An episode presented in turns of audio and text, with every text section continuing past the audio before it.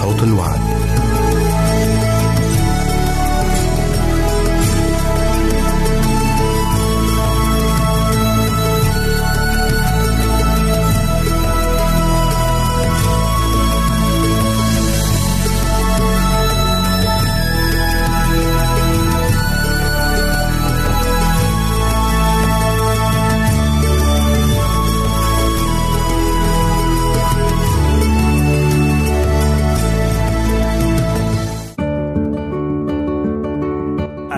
المستمعين والمستمعات. راديو صوت الوعد يتشرف باستقبال رسائلكم ومكالمتكم على الرقم التالي 00 961 سبعة ستة ثمانية ثمانية ثمانية أربعة واحد تسعة. نشكركم ونتمنى التواصل معكم. والسلام علينا وعليكم.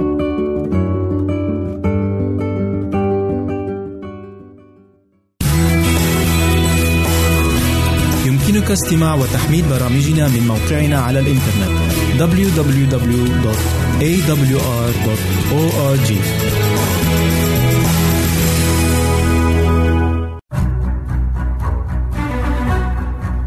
أعزائي المستمعين والمستمعات تتشرف راديو صوت الوعد باستقبال أي مقترحات أو استفسارات عبر البريد الإلكتروني التالي راديو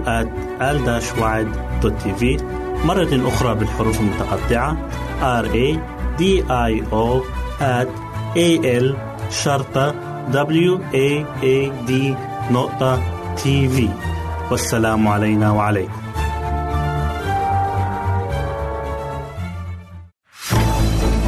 أعزائي المستمعين والمستمعات راديو صوت الوعد لا يكتفي بخدمتكم عبر الموجات الصوتية فقط بل وإنه يطرح لكم موقعا إلكترونيا يمكنكم من خلاله مشاهدة أجمل البرامج الدينية الثقافية الاجتماعية وغيرها من المواضيع الشيقة.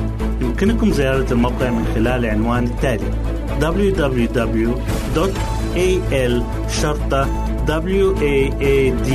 www.al-waad.tv مرة أخرى بالحروف المتقطعة.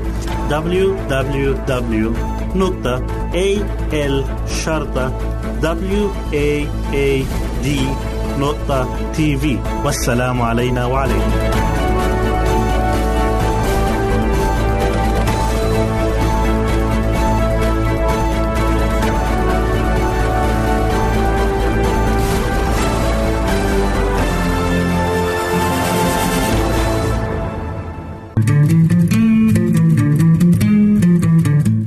تستمعون إلى إذاعة صوت الوعد.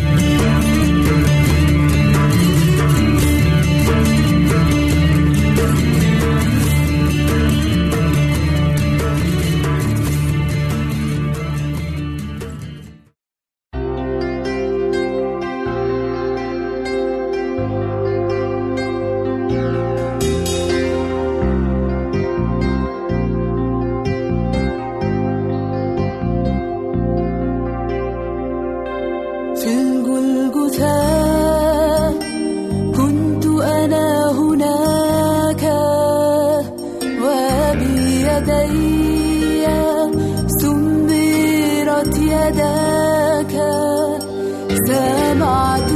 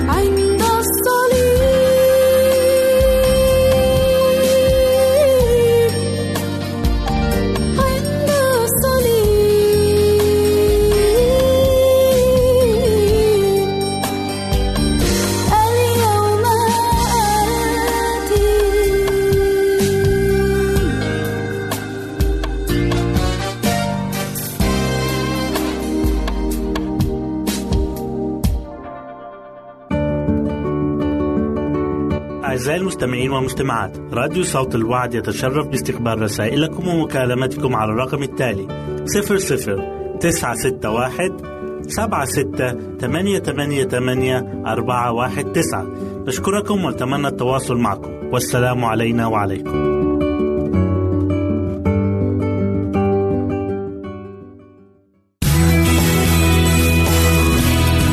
يمكنك استماع وتحميل برامجنا من موقعنا على الإنترنت www.awr.org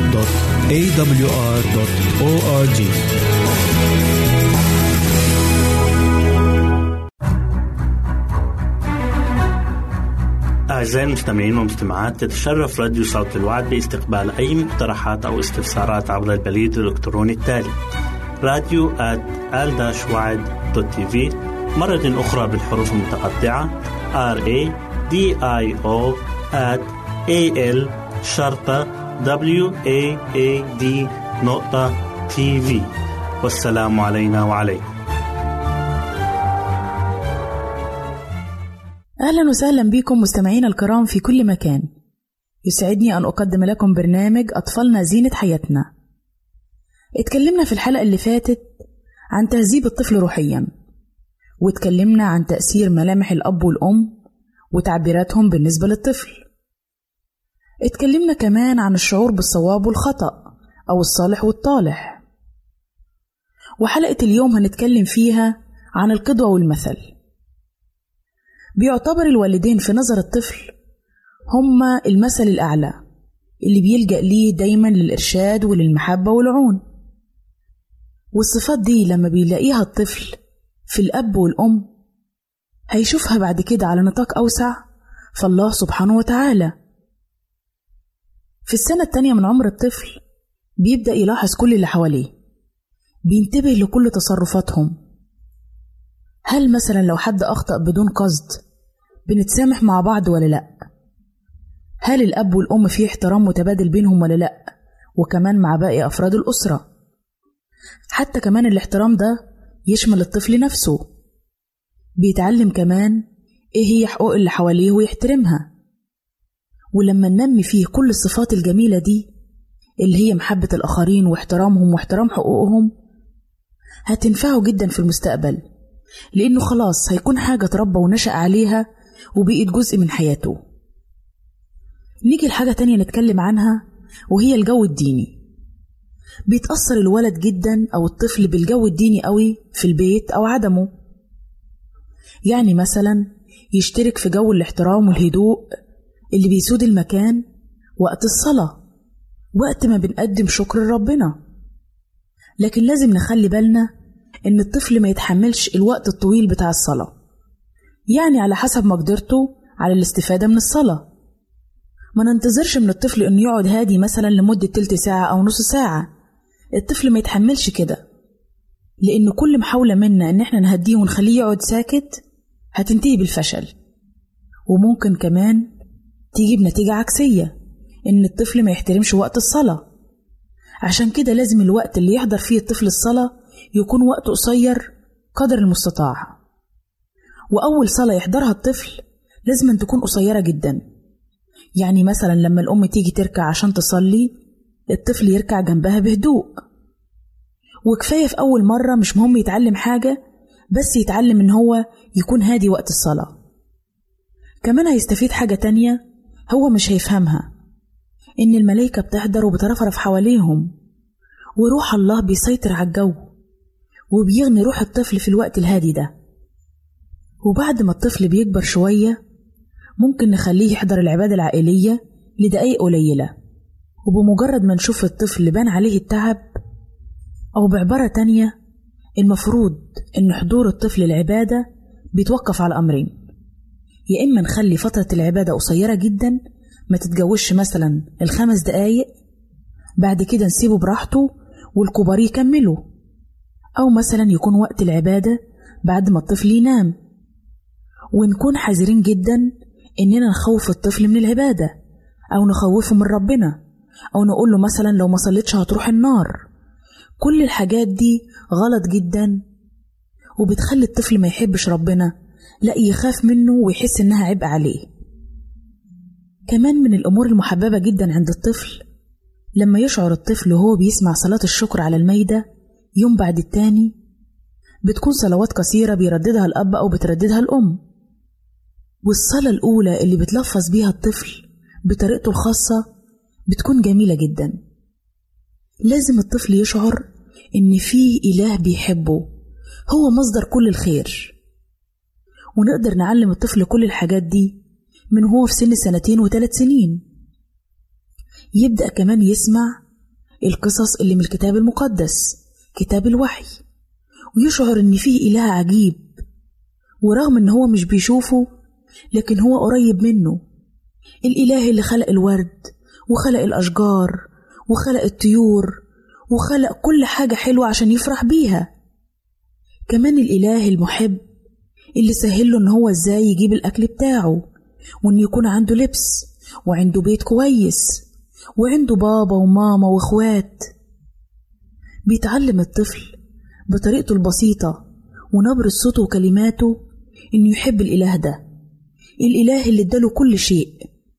ويوم بعد التاني هنلاحظ محبة الطفل بتزيد لله. الأم لما تقعد تحكي لطفلها عن محبة ربنا وعن اهتمامه وعن حنانه هيشوف الطفل الحنان والحب في كلمات ونبرات صوت أمه. وبالطريقة دي هتتحرك محبته ناحية الله وهيكون عنده احترام أكتر وأكتر لربنا. مع إنه في سن ما يقدرش يدرك ولا يحلل الأمور لكن هيتطور معاه الشعور والاحترام بالمحبة لغاية ما يبقى جزء مهم جدا في حياته الروحية. أعزائي هنكمل حديثنا في هذا الموضوع الحلقة اللي جاية. وبكده نكون وصلنا لنهاية برنامجنا أطفالنا زينة حياتنا. نسعد بتلقي آرائكم ومقترحاتكم وتعليقاتكم. وإلى لقاء آخر على أمل أن نلتقي بكم. تقبلوا مني ومن أسرة البرنامج أرق وأطيب تحية. وسلام الله معكم. أعزائي المستمعين والمستمعات راديو صوت الوعد لا يكتفي بخدمتكم عبر الموجات الصوتية فقط بل وإنه يطرح لكم موقعا إلكترونيا يمكنكم من خلاله مشاهدة أجمل البرامج الدينية الثقافية الاجتماعية وغيرها من المواضيع الشيقة. يمكنكم زيارة الموقع من خلال العنوان التالي www.al-waad.tv مرة أخرى بالحروف المتقطعة www.al-waad.tv والسلام علينا وعليكم.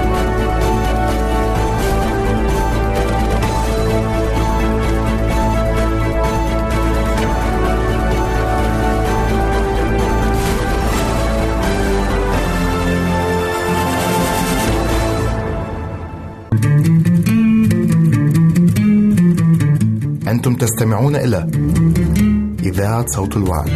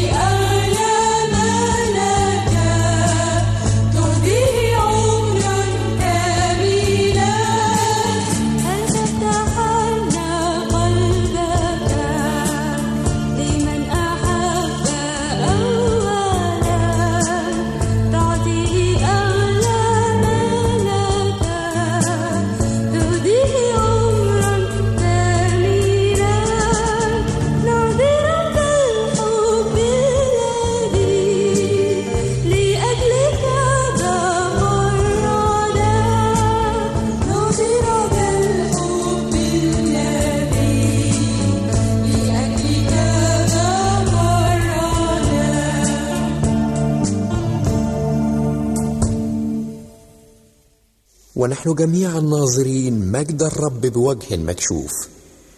دعني أضع كلمات بولس في صورة أخرى فأقول إننا جميعا إذ نرفع البرقع من على وجوهنا تصبح حياتنا كمرآة تستقبل وتعكس مجد الله وهذا يغيرنا إلى صورته عينها من مجد إلى مجد بتأثير الروح القدس فينا.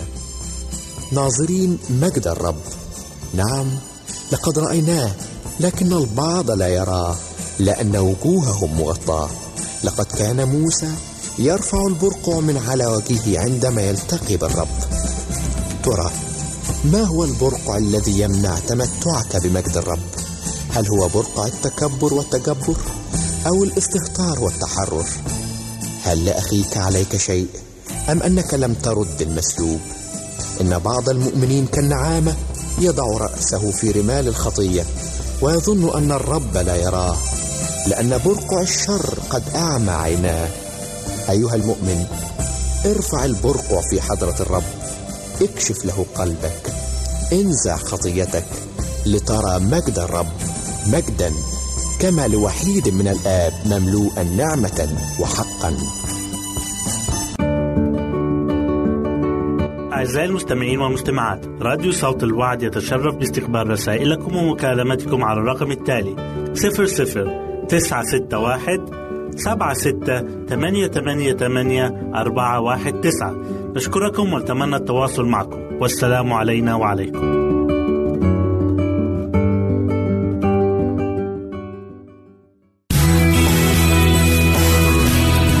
يمكنك استماع وتحميل برامجنا من موقعنا على الإنترنت www.awr.org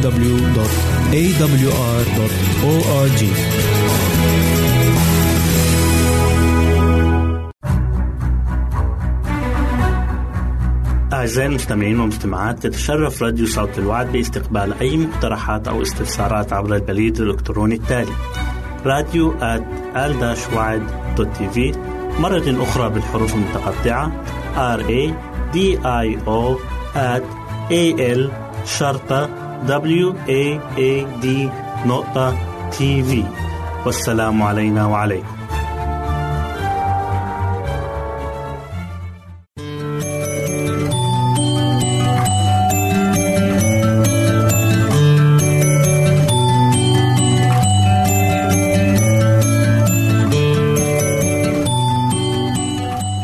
حبايبي الحلوين. أهلا بيكم في برنامج قصص وحكايات لأحلى صبيان وبنات.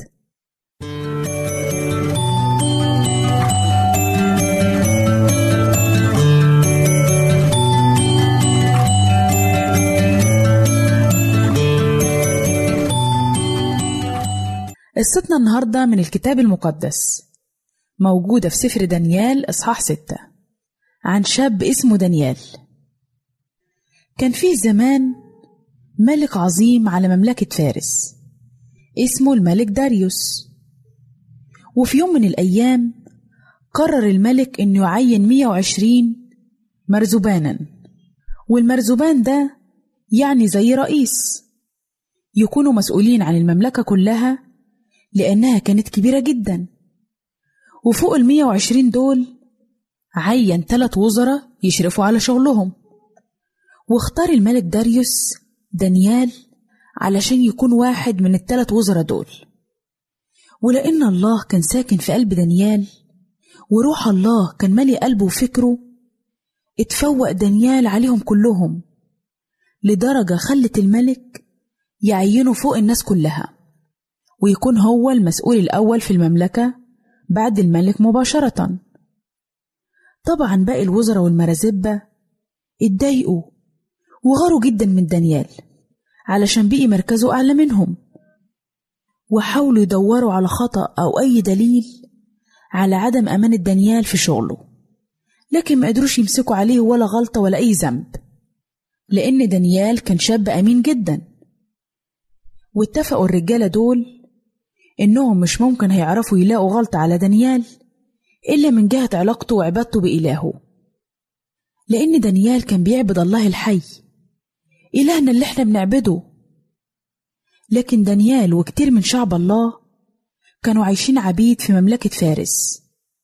والشعب بتاع مملكة فارس ما كانوش بيعبدوا الله الحي كانوا بيعبدوا آلهة تانية. علشان كده الرجالة دول فكروا إنهم يوقعوا دانيال في الغلط.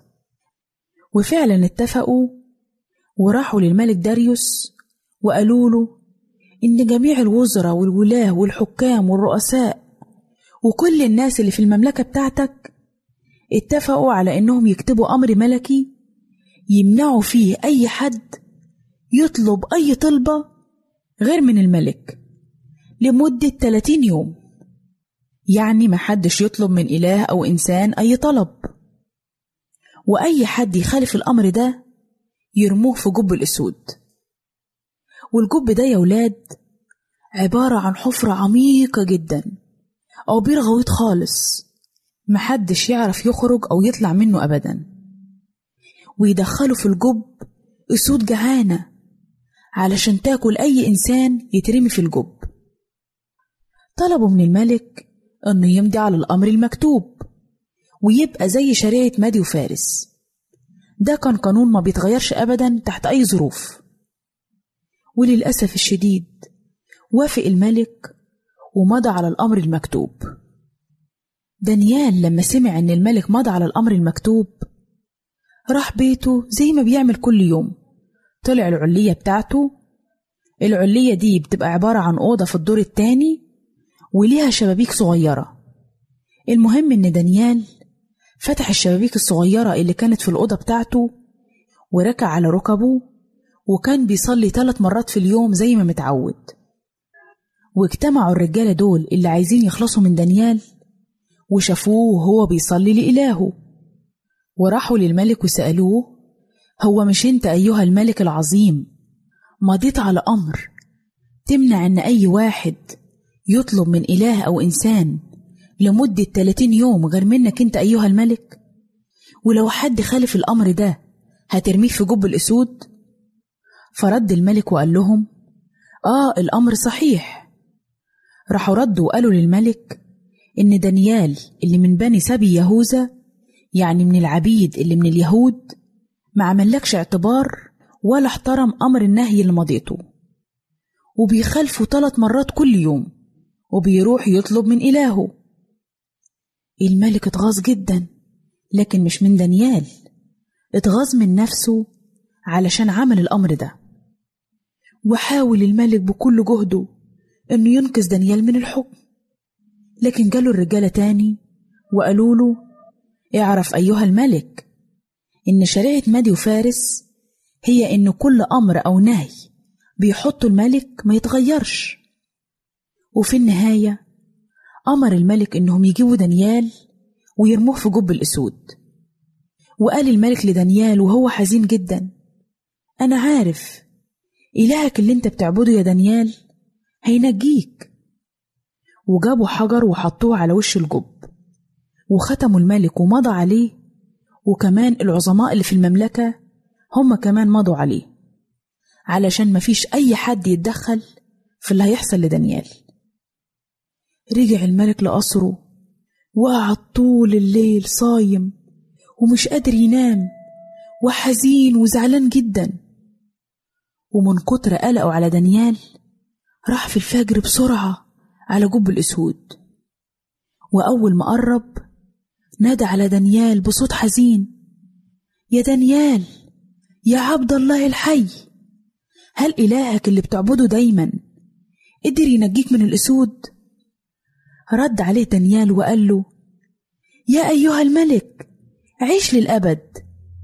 إلهي بعت ملاكه وقفل أفواه الأسود. وما أذتنيش ولا ضرتني. لأن الله وجدني بريء قدامه وقدامك أنت كمان أيها الملك. فرح الملك جدا لما سمع صوت دانيال. وبعد كده أمر الملك إنهم يطلعوا دانيال من جب الأسود. وما كانش فيه ولا جرح ولا خدش ولا أي حاجة لأنه آمن إن إلهه هينقذه. وكمان أمر الملك إنهم يجيبوا كل الناس اللي كانوا السبب في إن دانيال يترمي في جب الأسود ورموهم هم وولادهم وزوجاتهم. وقبل ما يوصلوا لآخر الجب هجمت عليهم الأسود وأكلوهم وما سابوش منهم ولا فتفوتة عظم. من القصة دي يا ولاد نتعلم درس مهم جدا. إننا لما نعمل الصح ونتمسك بإلهنا الله قادر إن هو يحمينا من كل الشرور. مهما الناس تشتكي علينا مهما الناس يكذبوا ويدبروا في خطط لينا. لكن الله هو صاحب السلطان وهو اللي يقدر ينجينا. وبكده حبايبي نكون وصلنا لنهاية قصتنا. واستنونا في قصة جديدة من برنامج قصص وحكايات لأحلى صبيان وبنات. ربنا معاكم.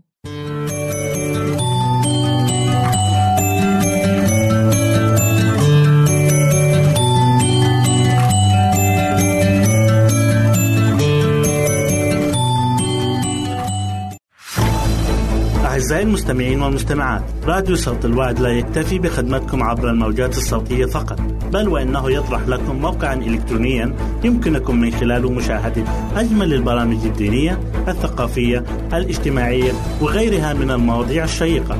يمكنكم زيارة الموقع من خلال العنوان التالي www.al-waad.tv مرة أخرى بالحروف المتقطعة. Www.al-waad.tv والسلام علينا وعليكم.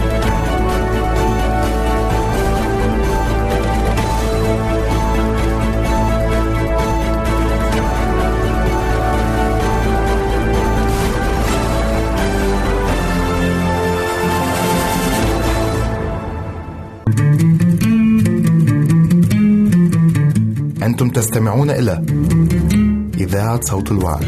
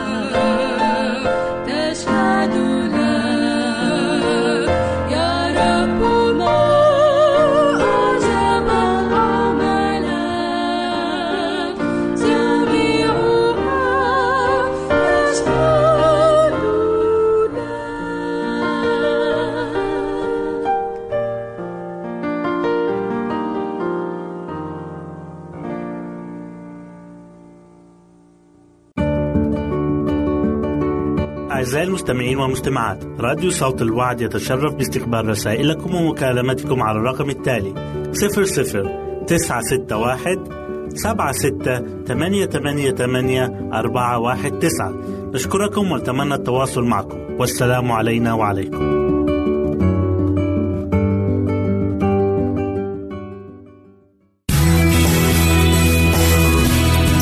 يمكنك استماع وتحميل برامجنا من موقعنا على الإنترنت www.awr.org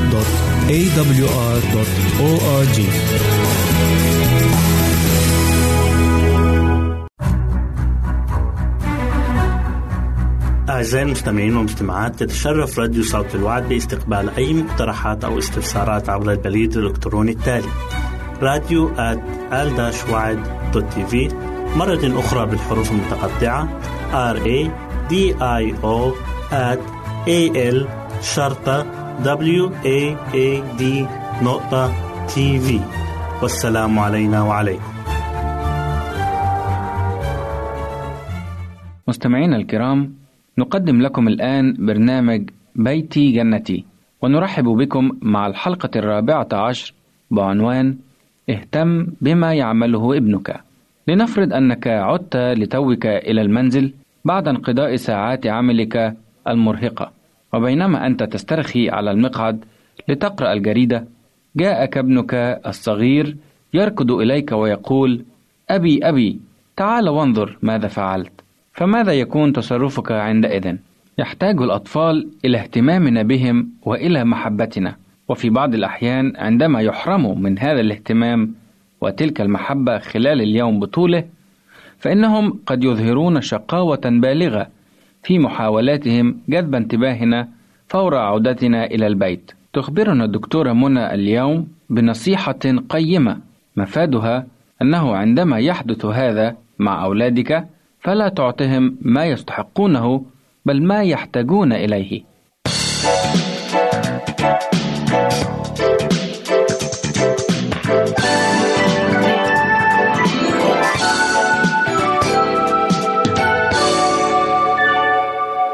يبدو عزيزي الوالد أنك قضيت يوما متعبا في عملك ثم عدت إلى البيت في غاية الإرهاق وخلعت حذاءك وجلست على مقعد هزاز تسترخي وتقرأ صفحات الجريدة محاولا أن تجد إعلانا عن سيارة للبيع. فأنت في مسيس الحاجة إلى واحدة تساعدك في تحركاتك ولكنك ما أن تفتح الجريدة لتتصفحها حتى يركض إليك ابنك البالغ الثالثة من العمر ويجذبك من يدك قائلا تعال يا أبي وانظر ماذا فعلت في الخارج. ما هو رد فعلك تجاه طلبه هذا؟ هل تقول بكل ممنونية يا ابني؟ ثم تلبس حذاءك من جديد وتسير خلف ابنك إلى الحديقة؟ هل هذا ما كنت تفعله حقا؟ كن صادقا مع نفسك. لا أعتقد أنك كنت تفعل هذا خاصة إذا كنت مثل معظم الوالدين الآخرين. فمعظمنا كان يرد على طفل كهذا بما يلي. ليس الآن يا ولد ألا ترى أنني منهمك في قراءة الجريدة وأنني متعب من العمل؟ وماذا سيكون تصرف الطفل في هذه الحالة؟ هل سينسحب بهدوء وينتظر ريثما تنتهي أنت من تصفح الجريدة؟ كلا على الإطلاق. فالشيء المألوف هو أنه سيتوسل ويتوسل. أبي أرجوك لا أستطيع الانتظار. أريدك أن ترى ماذا فعلت في الحديقة. فترد أنت بحدة انتظر يا ولد كما قلت لك وبطل شقاوة لأني مشغول الآن. فيقول ابنك وهو يسحب الجريدة من يدك بتوسل يا أبي دعني أريك ما عملت إنه جميل جدا. تعال وانظر. فتصرخ في وجهه بغضب اترك الجريدة يا ولد فأنا لا أستطيع أن أقرأ وأنت تهزها هكذا. فيعود الولد بتوسل بصوت منخفض أبي أرجوك. فتصيح أنت بصوت أعلى مهددا إذا لم تتركني وشأني وتتوقف فورا عن ملاحقتي بطلبك فسأعطيك ما تستحقه. أخرج فورا. وإذ تقول ذلك تدفعه بشدة بيدك. أمام هذا التهديد بالخطر القادم أو العقوبة الشديدة التي ستنزل عليه يتراجع صغيرك وينزوي إلى الغرفة المجاورة. ولكن هذا الانزواء لا يدوم سوى دقائق قليلة. الموضوع هو أن الولد لم يرى والده طوال اليوم وقد افتقد حضوره بعد أن جاع إلى المحبة والاهتمام وما دام الطفل يربط بين المحبة وبين اهتمام الآخرين به وبما يعمل فإنه لن يرضى أبدا ولن يقتنع إلا إذا حصل على الاهتمام الذي يحتاج إليه بإلحاح وشدة فماذا يفعل ابنك إذا؟ إنه ولا شك سيأتي بعد برهة ليقفز فوق رجليك ممزقا الجريدة التي بين يديك ليجلس هو على رجليك والآن ماذا يكون رد فعلك؟ هل تعتبره يستحق العقاب وتنهال عليه ضربا ولكما وركلا أو أنك تعطيه ما يحتاج إليه؟ أي هل تعاقبه أم تحتضنه؟ معظمنا لا يتفهم الرسائل البارعة التي يحاول الأطفال إيصالها إلينا بلطف وأحيانا بمكر، ومعظمنا أيضا يرى في تصرفهم هذا خروجا على الأدب والذوق، تمس الحاجة إلى ردعه بالعقاب والانتهار، بينما الرسالة الحقيقية التي يود الولد أن يتفهمها والده هي أني أتدور جوعا إلى محبتك يا والدي بعد غيابك الطويل عني وأحتاج أن توليني بعض الاهتمام الإيجابي وهذا أمر لا يحتمل الإرجاء. كن مستعدا إذا وفي المرة القادمة التي تقرأ فيها الجريدة ويأتيك ابنك الصغير ليجذب انتباهك إليه ضع جريدتك جانبا وخذ ابنك على حجرك أو اخرج معه لترى ما يريد أن يطلعك عليه. وفي غالب الأحيان سيكتفي الولد بذلك وفي غضون دقائق معدودة يشعر الولد بالرضا لهذا الاهتمام الإيجابي بحيث يقول وهو كذلك يا أبي يمكنك أن تعود إلى قراءة الجريدة الآن. وأود أن أؤكد لك أن بحثك عن سيارة تشتريها في إعلانات الجريدة سيكون دقيقا ومسليا وسيغامرك شعور بالارتياح لأنك أوليت ابنك أولا ما يحتاجه من اهتمام ومحبة. فأيهما أفضل وأعز على قلبك ابنك وفلذة كبدك أم قراءتك للجريدة؟ عزيزي المستمع أولادنا هم أعز شيء لنا في الوجود. فلنعطهم الاهتمام اللازم ونحيطهم بالمحبة التي يحتاجونها. وإلى الحلقة القادمة لك منا كل أمان الخير والسعادة وإلى اللقاء. أعزائي المستمعين والمستمعات راديو صوت الوعد لا يكتفي بخدمتكم عبر الموجات الصوتية فقط بل وإنه يطرح لكم موقعا إلكترونيا يمكنكم من خلاله مشاهدة أجمل البرامج الدينية الثقافية الاجتماعية وغيرها من المواضيع الشيقة. يمكنكم زيارة الموقع من خلال العنوان التالي www.al-waad.tv مرة أخرى بالحروف المتقطعة. Www.al-waad.tv والسلام علينا وعليكم.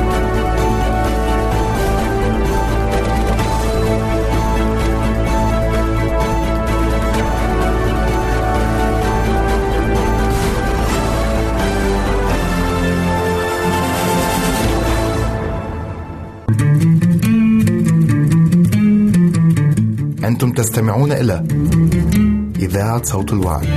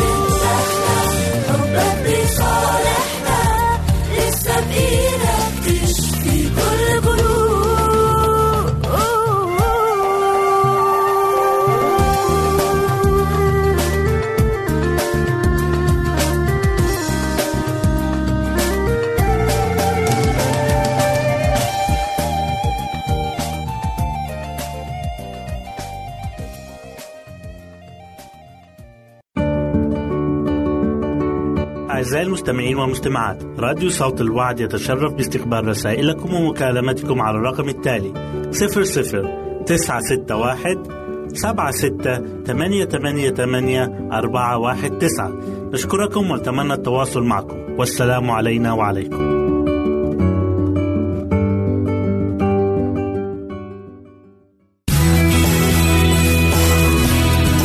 استماع وتحميل برامجنا من موقعنا على الإنترنت www.awr.org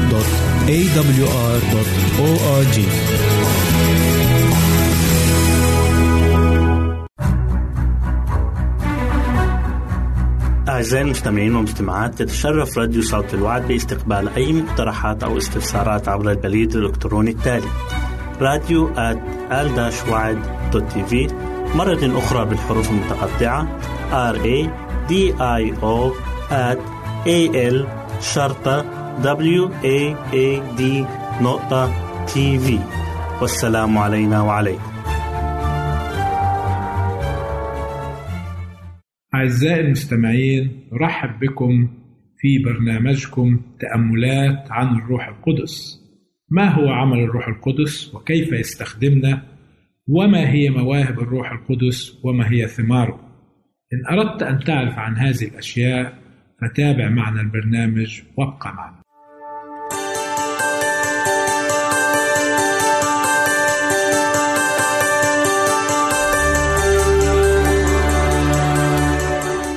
حلقة اليوم بعنوان الروح القدس يقودنا ويتحرك بيننا. والقراءة مأخوذة من رسالة روميا الأصحاح الثامن والعدد 14 تقول كلمة الرب لأن كل الذين ينقادون بروح الله فأولئك هم أبناء الله. اتخذ يسوع موقفه بين الناس بوصفه وحي الله وفمه.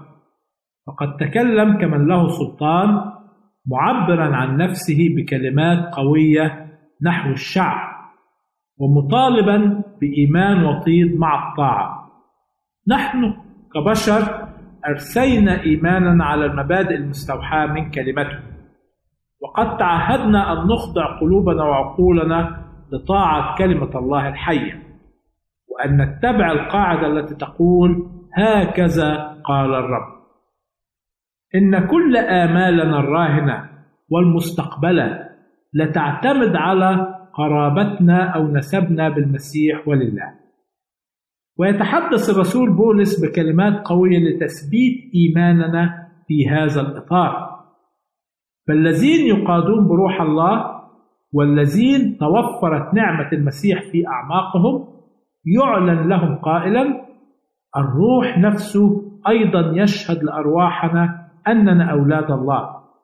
فإن كنا أولادا فإننا ورثة أيضا. ورثة الله ووارثون مع المسيح. إن كنا نتألم معه لكي نتمجد أيضا معه. إذا لم تأخذ روح العبودية أيضا للخوف بل أخذتم روح التبني الذي به نصرخ يا أبا الآب. نحن مدعوون بالمسيح أن نخرج من العالم وأن ننفصل عنه. مدعوون لأن نحيا حياة القداسة. وأن تنجذب قلوبنا دوما نحو الله وأن يكون روح الله القدوس ساكنا دوما في حياتنا. إن كل مؤمن حقيقي في المسيح سيظهر أن نعمة محبته منسكبة في قلبه. وحيث كان ذات يوم بعيدا عن الله سيصبح شريكه. وحيث أن الطبيعة البشرية كانت هي السائدة من قبل ستتجلى الآن الصفات الإلهية. ينبغي لشعبه أن يكونوا وكلاء للبر يبحثون دوما عن الله. منفذين دوما مشيئته. وإن من شأن هذا أن يجعلهم كاملين في المسيح. كما ينبغي لهم أن يعلنوا أمام الملائكة والناس والعوالم غير الساقطة أن حياتهم منسجمة مع إرادة الله. وأنهم أتباع أمناء لمبادئ ملكوته إن الروح القدس الحال في قلوبهم بالإيمان سيقودهم نحو زمالة قوية مع المسيح ومع بعضهم بعضا. مانحا إياهم ثمار القداسة الثمينة. أيضا نقرأ في رسالة يوحنا الأولى الأصحاح الرابع والعدد 13 بهذا نعرف أننا نثبت فيه وهو فينا أنه قد أعطانا من روحه. رغم أننا لا نقدر أن نرى روح الله نعلم أن الذين كانوا أموات بالذنوب والخطايا تبكتوا وتجددوا تحت تأثيره. فالشخص الطائش صار جديا ومتزنا وذو القلب القاسي تاب عن خطاياه والملحد أخذ يسير في درب الإيمان. والمقامر والسكير والفاسق صاروا كلهم عقلاء وأنقياء. والمتمرد والعنيد صارا متضعين ولهما صفات المسيح وعندما نشاهد مثل هذه التغيرات في الأخلاق نتأكد من أن قوة الله المجددة قد أجرت تغييرا شاملا على حياة هؤلاء الناس. فنحن لم نرى الروح القدس ولكننا لمسنا الأدلة التي من خلالها أجرى تغييرا جذريا في من كانوا سابقا قصاة وخطاة مستهترين. وكما أن الريح تتحرك بقوتها على الأشجار المرتفعة فتخفضها كذلك الروح القدس يمكنه أن يعمل في القلوب البشرية. إنه ما من إنسان يمكنه أن يدرك ويستوعب عمل الله. إن روح الله يتجلى بطرق عدة على مختلف الناس فبعضهم يرتعد تحت تأثيره أمام قوة كلمة الله وتكون قناعاته عميقة وكأن عاصفة هوجاء قد اكتسحت قلبه ويكون كيانه بأسره خاضع لتأثير قوة الحق. وعندما ينطق الله بالغفران للنفس التائبة فستمتلئ حياة هذا الإنسان حماسة وحبا وارتياحا وجدية وإن الروح معطي الحياة الذي ناله لا يمكنه طمسه أو كبحه. فالمسيح صار فيه نبعا من الماء الذي ينبع إلى حياة أبدية. إن مشاعره نحو حب الله عميقة مؤازرة لضيقه في السابق ومعاناته الشديدة. إن نفسه صارت شبيهة بالينبوع العميق الذي أخذ يتفجر بالشكر والحمد والتسبيح والفرح. بحيث أن قيصرات السماء تستجيب لأنغام التسبيح والتهليل تلك. إن لديه قصة ليقدمها ولكن ليس بأي طريقة محددة من الطرق الإعتيادية المنسقة. لقد افتدي باستحقاقات الرب يسوع المسيح. وكيانه كله يهتز بالنشوة والارتياح بعد اكتشافه حقيقة خلاص الله الذي صار من نصيبه وبهذا نأتي إلى نهاية هذه الحلقة. نرجو أن تكونوا قد استمتعتم بها. إلى أن نلقاكم في حلقة أخرى. سلام الرب معكم ويرعاكم.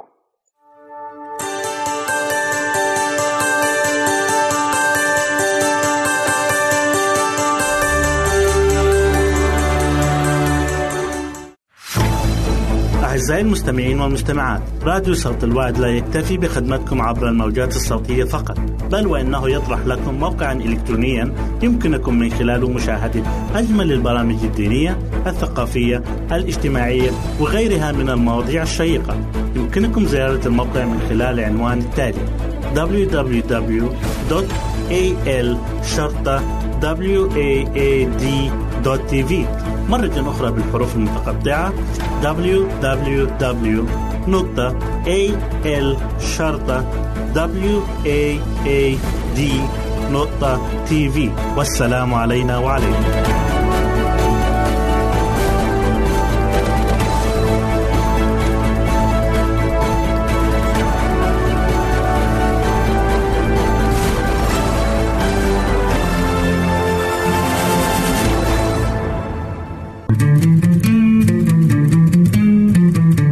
أنتم تستمعون إلى إذاعة صوت الوعد.